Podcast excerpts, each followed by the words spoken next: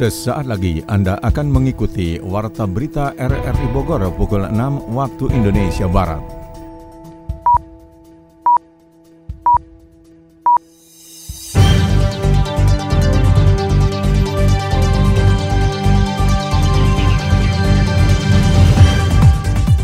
Selamat pagi. Saudara, kita kembali bersua lewat Warta Berita Minggu 10 September 2023. Berita akhir pekan kami isi dengan rangkuman berita sepekan. Siaran ini juga dapat Anda dengarkan melalui audio streaming RRI Playgo dan dapat Anda dengarkan kembali lewat podcast kami di Spotify, Anchor, Podtail, dan Google Podcast. Bersama saya, Mukhlis Abdillah, inilah rangkuman berita sepekan selengkapnya.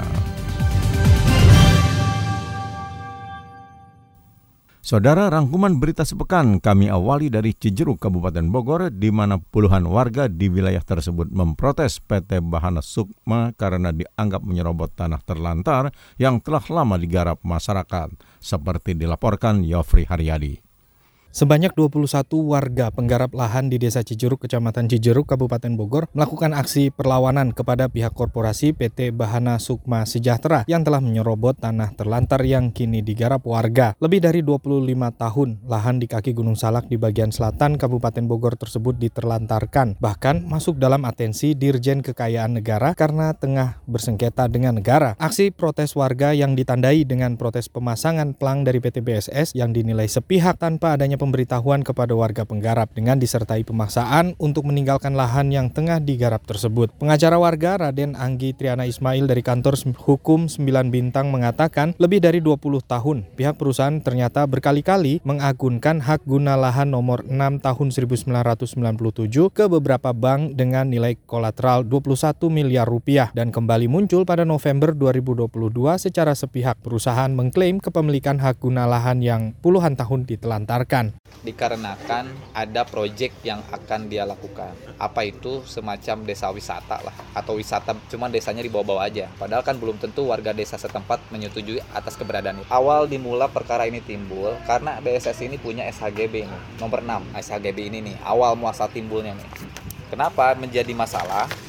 Karena SHGB nomor 6 sejak tahun 97 si BSS ini tidak pernah melakukan aktivitas apa pun di atas sana itu. Lalu pertanyaannya BSS ngapain aja? Dia hanya nyari duit melalui perputaran perbankan. Jadi kan si SHGB ini bernilai di bank itu biasa, agunin, diagunin taruh ke bank dapat duit. Nah, awal pertama itu diketahui bahwa BSS ini berapa miliar Pak? Pada tahun 98 itu BSS udah dapat 23 miliar pinjam ke bank dan seterusnya. Ketika ini udah habis mau ada sita dan sebagainya ini ditukar lagi tuh ke bank lain dan seterusnya lah. Koordinator warga penggarap lahan Indra Surkana mengungkapkan dari total HGU yang mereka miliki di Cijeruk ada 187 hektar sementara bidang lahan digarap masyarakat kurang lebih 40 hektar. Perkara itu pun tengah berpolemik di kantor agraria Badan Pertanahan Negara Kabupaten Bogor dalam menetapkan status hak guna lahan nomor 6 tahun 1997 yang pernah diterbitkan.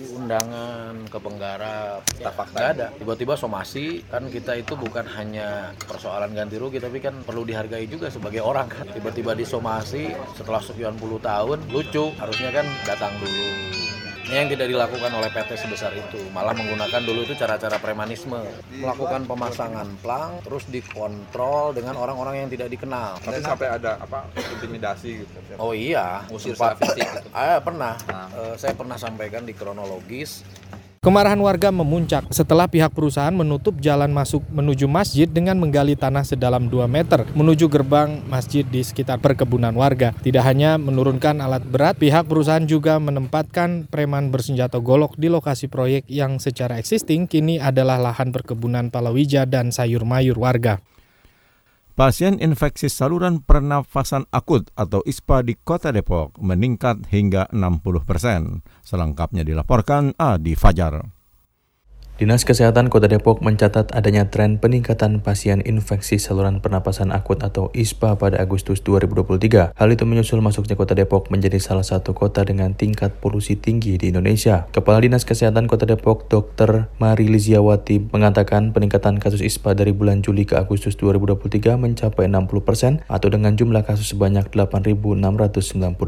Mari mengatakan meskipun ada kenaikan kasus, kasus-kasus yang diderita masih dalam kategori ringan. Ia mengklaim pihaknya telah menyiapkan langkah antisipasi jika ada temuan kasus berat. Jumlah kasus yang termasuk ISPA, infeksi saluran pernapasan itu 8.698. Itu di bulan Agustus ya memang ada peningkatan dari bulan Juli. Jadi relatif dari Januari sampai Juli itu kasusnya bervariasi. Ada 4.000, ada 5.000, ada pernah 6.000 juga di bulan Maret. Namun begitu, Mary belum bisa memastikan apakah kenaikan kasus ISPA terjadi akibat polusi udara atau tidak, sebab banyak faktor yang menjadi penyebab munculnya infeksi pernapasan itu. Nah, kalau peningkatannya dari Juli ke Agustus memang meningkat 60%. Ketika ditanya apakah ini karena polusi udara, kita tidak bisa menjawab uh, atau memastikan karena uh, kasus ISPA itu bisa karena infeksi virus, infeksi bakteri, bisa juga ada alergi.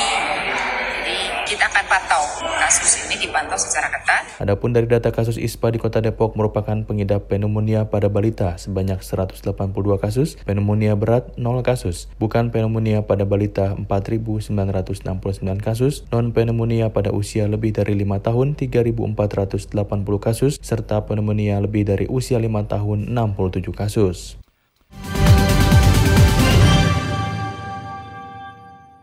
KNPI Kota Bogor menyayangkan proyek pertamanan di Jalan Dewi Sartika dan Nyiraja Permas mengorbankan sejumlah pohon yang diduga ditebang untuk kepentingan proyek tersebut. Berikut laporan Sony Agung Saputra. Proses pembangunan kota Bogor yang berlangsung di sejumlah kawasan seperti Jalan Dewi Sartika dan Nyi Raja Permas harus memperhatikan faktor lingkungan. Hal itu setelah adanya sejumlah pohon yang terpaksa harus ditebang sebagai bagian dari pengerjaan proyek infrastruktur. Wakil Ketua KNPI Kota Bogor Adam Malik mengungkapkan dalam pengerjaan proyek pertamanan di kawasan Dewi Sartika dan Nyi Raja Permas ada sejumlah pohon yang diduga ditebang untuk kepentingan proyek tersebut tanpa adanya penggantian. Untuk itu seharusnya pemerintah kota Bogor memperhatikan hal tersebut karena saat penebangan ternyata ada sedikitnya empat pohon yang terpaksa dipangkas bahkan sampai ditebang padahal saat ini penanganan polusi udara harus bisa tertangani dengan adanya penghijauan. Prinsipnya pembangunan harus berwawasan lingkungan hmm. terus terintegrasi dengan pekerjaan yang lain satu kelestarian lingkungan jangan sampai pohon-pohon sebagai peneduh dan juga sebagai filter terhadap polusi udara ini menjadi korban. Di sisi lain ini harus terus terus diupayakan pembangunan jaringan juga terintegrasi. Jadi hmm. jangan sampai nanti ada kegiatan drainase ada kegiatan pedestrian trotoar itu mengganggu kenyamanan masyarakat makanya penting dipertimbangkan bahwa setiap kegiatan pembangunan baik pedestrian drainase jalan dan juga utilitas ini terintegrasi tidak parsial sehingga tidak akan berulang. Sementara itu anggota Komisi 3 DPRD Kota Bogor Karnain Asar menegaskan bahwa pemerintah Kota Bogor harus tetap memperhatikan sektor pembangunan lingkungan hidup sejalan dengan pembangunan infrastruktur. Untuk itu jangan sampai ada yang dikorbankan untuk lingkungan alam, terlebih pepohonan sebagai paru-paru kota seperti kawasan pengerjaan pedestrian Jalan Ahmad Yani yang harus memperhatikan faktor lingkungan. Ini kan terjadi penebangan pohon di sekitar Pasar Anyar tepatnya di depannya Blok CD dengan alih-alih akan dibangun taman. Jadi pohon semua ditebangin dan juga pedagang akan direlokasi walaupun ada sebagian pedagang yang sudah masih, masih bertahan di sekitaran area pembangunan itu sendiri tapi itu tidak menghambat pembangunan yang akan dilakukan oleh wali kota yaitu pembangunan drainase dan taman Artinya yang perlu kita soroti hari ini adalah satu dalam rangka Bima atau wali kota sekarang gencar mengkampanyekan bagaimana polusi udara di kota Bogor ini kembali normal. Salah satu sisi lain itu penebangan pohon terjadi. Seolah-olah kebijakan ini kontraproduktif. Sebenarnya ada apa dengan Pak Wali Kota ini? Jadi itulah yang perlu dikupas. Nah, harapan saya apakah memang dengan menebang pohon polusi udara itu bisa teratasi? Komisi 3 DPRD Kota Bogor akan mengawasi semua pengerjaan infrastruktur yang saat ini marak di berbagai tempat agar tidak menimbulkan permasalahan lingkungan alam yang bisa menimbulkan bencana alam. Dua keluarga bayi yang tertukar bersama-sama melayangkan gugatan pidana kepada Rumah Sakit Santosa Kemang Kabupaten Bogor. Gugatan ditujukan kepada manajemen rumah sakit dan tidak secara khusus memperkarakan tenaga kesehatan yang bertugas pada proses persalinan. Catatan selengkapnya disampaikan Yofri Haryadi. Dua pengacara tersangka dalam perkara kasus bayi tertukar di Rumah Sakit Santosa Kemang, Kabupaten Bogor, akhirnya bersama-sama membuat laporan gugatan pidana kepada rumah sakit pasca pertukaran bayi antara Ibu Siti Maulia dan Ibu Dian.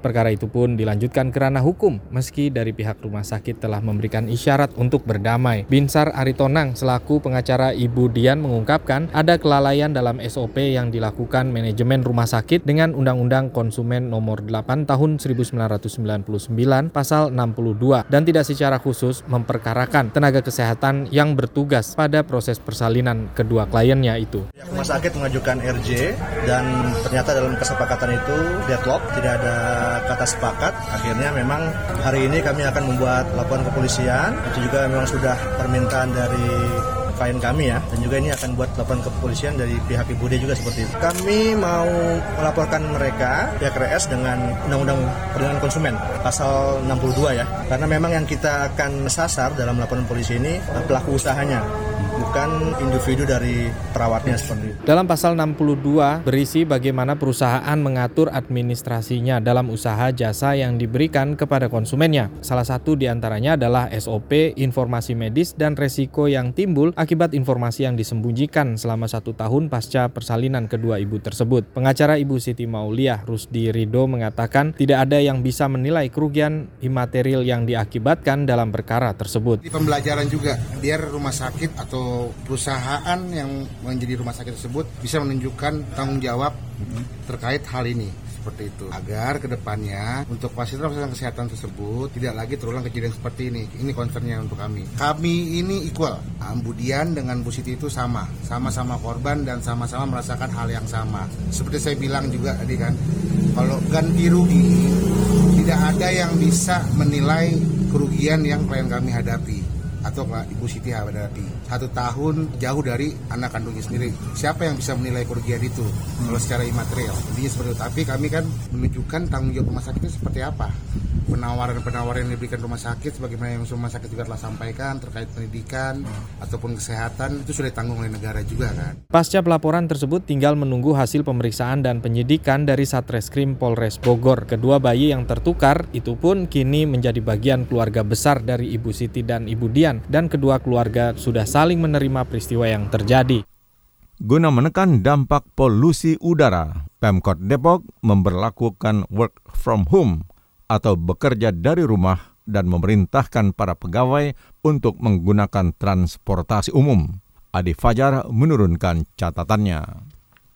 Pemerintah Kota Depok telah mengeluarkan sejumlah kebijakan bagi masyarakat, khususnya para aparatur sipil negara atau ASN dalam menyikapi polusi udara. Mulai Senin 4 September 2023, Wali Kota Depok Muhammad Idris telah menetapkan kebijakan work from home atau WFH atau bekerja dari rumah bagi pegawai di lingkungan Pemkot Depok sebanyak 30%. Meski begitu, Idris mengatakan Pemkot Depok tetap mengawasi ASN yang melaksanakan WFH melalui aplikasi Kemob. Aplikasi itu dapat mendeteksi keberadaan ASN ketika jam kerja. Idris mengatakan penerapan WFH akan dievaluasi setiap satu pekan dengan memperhatikan perkembangan kondisi polusi udara. Kita juga nggak mau bela-bela warga kita sedang ringan, ekstrim segala macam. Justru menjadi tantangan buat kita lebih waspada gitu. Ya seperti itu. Makanya WFH itu memang segera harus dilaksanakan. 30% kerja 70% di rumah. Terus begitu dilakukan. Kecuali ya, kecuali memang dinas-dinas yang memang membutuhkan apa SDM-nya dibutuhkan kerja secara terus-menerus. Selain WFH, Idris juga telah memerintahkan para pegawainya di lingkup Pemkot Depok, baik ASN maupun non-ASN, untuk mempergunakan transportasi publik beremisi rendah. Perintah itu tertuang pada instruksi Wali Kota Depok nomor 12 tahun 2023 tentang pengendalian pencemaran udara pada wilayah Kota Depok. Dalam penerapan Inwali tersebut, Idris juga mengatakan para pegawai di lingkup Pemkot Depok juga bisa menggunakan kendaraan roda 4 dengan penumpang minimal 3 orang, sedangkan kendaraan roda 2 wajib 2 orang. Hal itu untuk menekan emisi gas yang dihasilkan dari banyaknya kendaraan di jalan.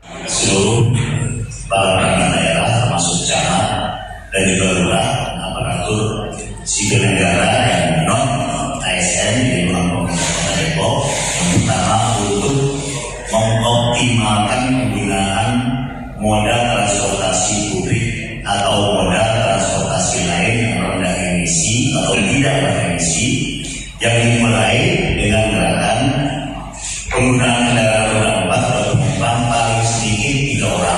Pada poin lainnya, di dalam Inwali yang sama, Idris juga memerintahkan jajarannya untuk melakukan uji emisi kendaraan pribadinya. Sementara untuk masyarakat diminta agar tidak membakar sampah yang tidak sesuai dengan syarat teknis pengolahan sampah. Sementara itu, berdasarkan hasil pengukuran di situs IQR, Kota Depok masih berada di 10 besar kota dengan tingkat polusi yang tinggi dengan skor 154. Masyarakat pun diimbau untuk menggunakan transportasi publik yang ramah lingkungan serta menggunakan masker saat beraktivitas di luar ruangan. Akhirnya hilang rasa hausnya. Seger banget airnya. Tinggal kasih air sedikit, tunggu lima menit, jadi deh masakannya. Indah banget ya ombaknya. Hiduplah bagai air, apa pun rintangannya, air akan tetap mengalir. Dengan hanya melihat air, seseorang bisa belajar banyak hal tentang ketenangan yang sewaktu-waktu bisa menghanyutkan, bahkan menenggelamkan.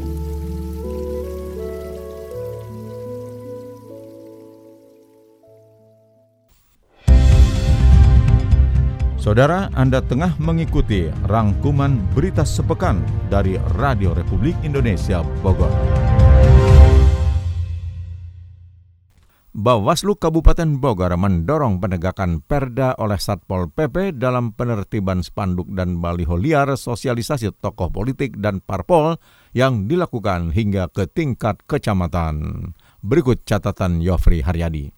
Penertiban spanduk liar berisi muatan kampanye seperti tokoh politik dan partai politik kini menjadi atensi pemerintah Kabupaten Bogor untuk ditindak. Pasalnya dari spanduk dan baliho besar yang dipasang di tempat umum dan strategis tidak semuanya ilegal. Beberapa dari spanduk itu pun memiliki izin resmi dari Bapenda dan membayar retribusi kepada pemerintah daerah. Kepala Satpol PP Kabupaten Bogor Cecep Iman Negarasit mengungkapkan ada dilematis bagi pihaknya dalam menerima banyaknya laporan spanduk sosialisasi tokoh politik dan parpol yang mengganggu pemandangan dan estetika kota. Melalui inisiasi Pol PP bersama dengan KPU dan Bawaslu termasuk Bupati Bogor Iwan Setiawan, Pol PP berharap ada kesepahaman dalam penertiban spanduk dan baliho liar sosialisasi tokoh politik dan parpol untuk disikapi. Nanti akan buat pernyataan bersama, setelah pernyataan bersama baru ditindaklanjuti.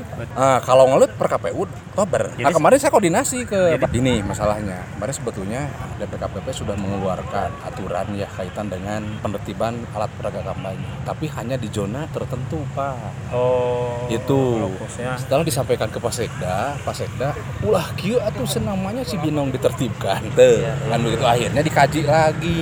Makanya kemarin dirapatkan. Dirapatkan hasilnya yang tadi. Jadi nah dalam waktu dekat semua stakeholder yang terkait dengan pemilu akan dipanggil dan nanti akan dibuatkan surat pernyataan bersama. Kurang lebih seperti itu. Ada kecemburuan bagi kecamatan daerah lain. Penertiban baliho dan spanduk seolah hanya tegas diterapkan pada wilayah kecamatan Cibinong saja. Sementara di kecamatan lainnya tidak sedikit spanduk dan alat peraga berubah gambar dipasang di sembarang tempat termasuk tembok pembatas rumah warga. Komisioner Bawaslu Kabupaten Bogor Irfan Firmansyah sepakat dengan pendekatan penegakan perda oleh Satpol PP Kabupaten Bogor hingga ke tingkat kecamatan. disebut kampanye karena memang belum tahapan kampanye nanti di, di akhir November. Nah saat ini yang paling mungkin adalah pendekatannya itu melalui peraturan daerah terkait dengan ketertiban, keindahan dan seterusnya. Maka kami kemarin juga support terkait dengan surat edaran PLT ke penurunan itu ya silakan untuk dieksekusi dengan apa, penegakan peraturan-peraturan daerah terkait dengan hal tersebut gitu di jalan. Nah kalau komersial kan itu di, di ranah di ranah Pemda lah karena kan memang saat ini arahan apa KPU Bawaslu RI itu waktunya untuk sosialisasi. Dalam rapat koordinasi yang akan berlangsung nanti, Pol PP Kabupaten Bogor juga akan mengidentifikasi temuan di lapangan dan memanggil partai politik dan tokoh politik yang kedapatan pelanggaran memasang alat peraga tanpa izin. Untuk saat ini belum ada kepastian dari Pol PP Kabupaten Bogor dalam sanksi yang diberikan kepada pelanggar dimaksud selain tindak pidana ringan, belum pada ranah pelanggaran pemilu. Tim Buser Polresta Bogor Kota menangkap pembuat video viral tawuran yang juga pelaku tawuran di kawasan Tajur. Polisi juga mengamankan sejumlah barang bukti yang digunakan saat aksi tawuran. Sony Agung Saputra menurunkan catatannya. Adanya video viral pelaku tawuran di kawasan Tajur, Kota Bogor menjadi perhatian tim Buser Polresta Bogor Kota. Video tersebut menjadi viral setelah pelaku membuat video saat berkendaraan sepeda motor dengan mengacungkan senjata tajam ke arah rombongan pelajar di dalam angkutan kota angkot. Kapolresta Bogor Kota Kombes Pol Bismo Teguh Prakoso mengungkapkan saat kejadian tersebut tiga orang berboncengan sepeda motor dengan membawa senjata tajam melakukan aksi pengancaman kepada kelompok pelajar yang berada di dalam angkot. Tidak hanya itu, pelaku juga membuat konten video aksi kejahatan tersebut dan mengunggah ke media sosialnya sehingga viral. Berdasarkan hal itu, maka polisi mengejar seluruh pelaku dan berhasil mengamankan dengan barang bukti yang digunakan saat aksi kejahatan berlangsung. Rekan-rekan saksikan sendiri waktu itu videonya ada di angkot, ya, kemudian ada anak-anak pelajar yang mengacung-acungkan celurit. Ya. Nah ini sudah kita amankan, ya ada satu pelaku, mana pelakunya? Yang itu, kamu ya. Nah ini, ya waktu itu dia bergoncengan tiga. Ya. Tiga-tiganya sudah kita amankan. Ya. Namun yang membawa sajam waktu itu satu orang. Nah ini berarti sebagai uh, anak yang berkonflik dengan hukum yang kita amankan, kita tangkap dan kita lakukan penahanan. Kita jerat dengan Undang-Undang Darurat Nomor 12 Tahun 51, ya Junto Undang-Undang Sistem Peradilan Anak. Nah, waktu itu dari anak yang berkonflik dengan hukum ini, ya, diawali dengan adanya ya, provokasi dari angkot yang di dalamnya ada juga diduga pelajar yang ber, yang memprovokasi dari ya anak yang berkonflik dengan hukum yang kita. Kemudian polisi juga mencegah atau ingin saat adanya aksi kejahatan tawuran dengan adanya program kemasyarakatan seperti SKCK Ghost to School. Pelaku kejahatan tawuran yang sudah meresahkan masyarakat bisa tidak mendapatkan SKCK untuk melamar pekerjaan akibat tawuran yang berlangsung saat duduk di bangku sekolah. Ghost to School ya di mana kita tidak hanya bisa menangkap, menahan pelaku tawuran, pelaku yang membawa tajam, tapi kita juga melakukan langkah-langkah pembinaan untuk merangkul adik-adik kita, anak-anak tersebut, anak-anak dalam binaan, supaya perilakunya tetap baik dan terjaga sehingga bisa nanti melanjutkan cita-citanya bekerja dan memberikan nafkah bagi keluarga dan juga masyarakat tentunya bermanfaat. Nah, rekan-rekan sekalian, adapun yang kita amankan dalam kurun waktu mulai dari tanggal 1 September hari Jumat hingga Minggu tanggal 3 September ini kita mengamankan 6 ya, 6 orang terdiri dari dua yang dewasa dan juga enam yang anak berkonflik dengan hukum. Kemudian polisi juga melakukan pendekatan secara karakter untuk dapat membina mereka sehingga dapat memperbaiki dan membenahi mental spiritual pelajar untuk tidak melakukan aksi kejahatan selanjutnya. Indonesia merupakan negara yang menjadikan UMKM sebagai penopang ekonomi utama, ditandai dengan jumlahnya yang mencapai 99% persen dari total usaha yang ada di Indonesia. Dengan jumlah itu, UMKM mampu menyerap 97% persen tenaga kerja Indonesia. Selama pandemi COVID-19, UMKM Indonesia menjadi penopang terbesar untuk mempertahankan neraca ekonomi agar tidak tenggelam dalam defisit.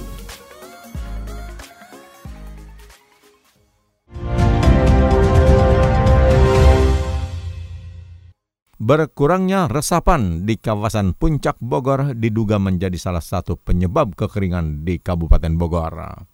Tercatat 400 lebih bangunan liar berupa villa dan rumah yang berdiri di kawasan tersebut. Kita simak catatan Yofri Haryadi. Kekeringan yang terjadi di Kabupaten Bogor yang berdampak pada krisis air bersih akibat berkurangnya kawasan resapan di Puncak, Bogor menjadi pembahasan dalam kegiatan reses anggota DPRD Kabupaten Bogor di Kecamatan Cisarua. Alih fungsi lahan perkebunan teh menjadi objek wisata dan berdirinya villa liar yang disewakan menjadi kambing hitam berkurangnya kawasan resapan di wilayah itu. Menjawab hal itu pun Wakil Ketua DPRD Kabupaten Bogor Wawan Hikal Kurdi memastikan izin pemanfaatan lahan yang diterbitkan Pemkap Bogor sudah benar bahkan siap mengambil langkah tegas jika ada penyalahgunaan fungsi lahan yang tidak sesuai peruntukannya. Tata ruang, hmm. kalau melanggar, go ahead. Go ahead. Kembalikan. Sikat. Sikat. Tapi kalau peruntukannya diperbolehkan, tidak ada masalah. Iya, sekarang kan izin ini tentunya ada kajian. Ada dinas, beberapa dinas kalau nggak salah Pak, DKPP ya Pak Yanto. Di situ ada PUPR, di situ ada dikajinya oleh sembilan dinas. Kalau izin dari pemerintah Kabupaten Bogor keluar bodong nggak mungkin, kecuali alih fungsi yang tidak sesuai peruntukan. Kalau tidak sesuai, hajar.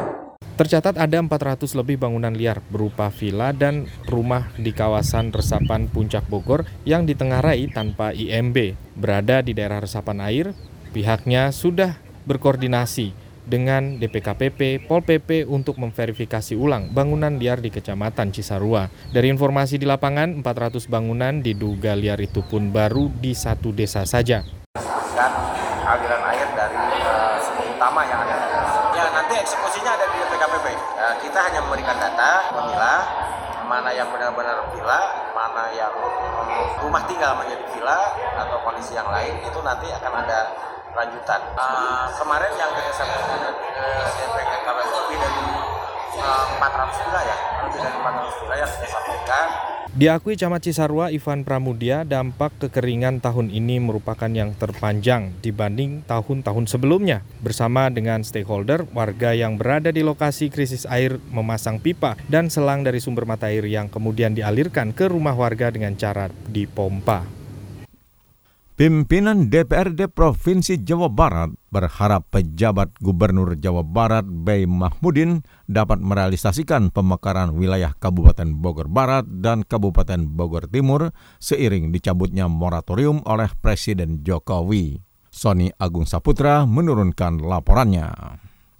Pelantikan pejabat Gubernur Jawa Barat B. Mahmudin mendapat sorotan dari pimpinan DPRD setempat. B menjadi PJ Gubernur Jawa Barat setelah Ridwan Kamil menghabiskan masa jabatan Gubernur definitif hingga tanggal 5 September kemarin. Wakil Ketua DPRD Provinsi Jawa Barat Ahmad Ruyat mengatakan sosok B. Mahmudin sebagai seseorang yang sudah banyak berkecimpung dalam dunia pemerintahan. Pejabat Gubernur Jawa Barat tersebut sebelumnya menjabat Deputi Bidang Protokol Pers dan Media, Sekretariat Presiden sehingga paham terhadap kondisi wilayah termasuk di Jawa Barat. Selamat selamat bertugas kepada Bapak Bey Mahmudin yang hari ini dilantik menjadi pejabat Gubernur Jawa Barat di mana Pak Ridwan Kamil berakhir pada 5 September 2023 hari ini. Semoga dapat berkolaborasi membangun Jawa Barat yang lebih baik, lebih sejahtera, bermitra dengan DPRD dan bermitra dengan seluruh rakyat Jawa Barat. Terima kasih, sukses selalu Pak Bayi Mahmudin. Dalam masa tugas sekitar satu setengah tahun penjabat Gubernur Jawa Barat bisa menjadikan solusi dari permasalahan di Bogor Raya, wilayah kota dan kabupaten. Luas wilayah dan jumlah penduduk yang besar dengan kepadatan dan dinamika karakteristik warganya harus menjadi perhatian lebih.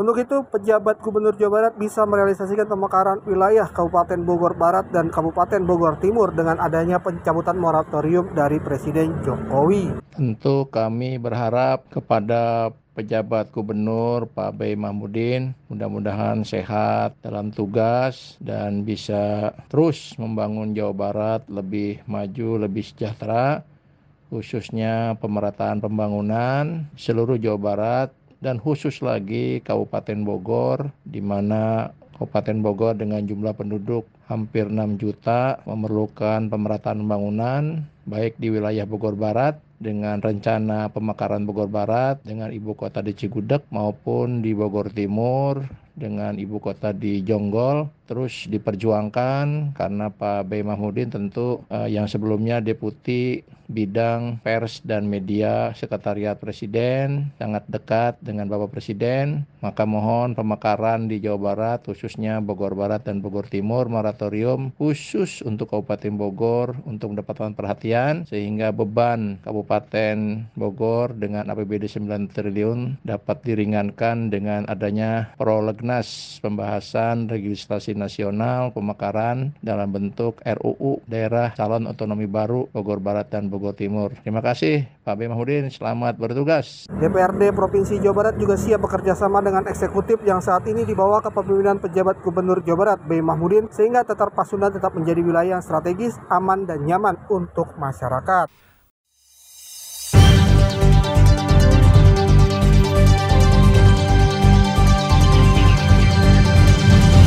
Saudara, demikian rangkuman berita sepekan dari Radio Republik Indonesia Bogor. Siaran ini dapat Anda dengarkan kembali melalui podcast kami di Spotify, Anchor, Podtail, dan Google Podcast. Saya Mukhlis Abdillah merangkap desk editor bersama penata teknik Mahdi Nur mengucapkan terima kasih atas kebersamaan Anda. Selamat pagi.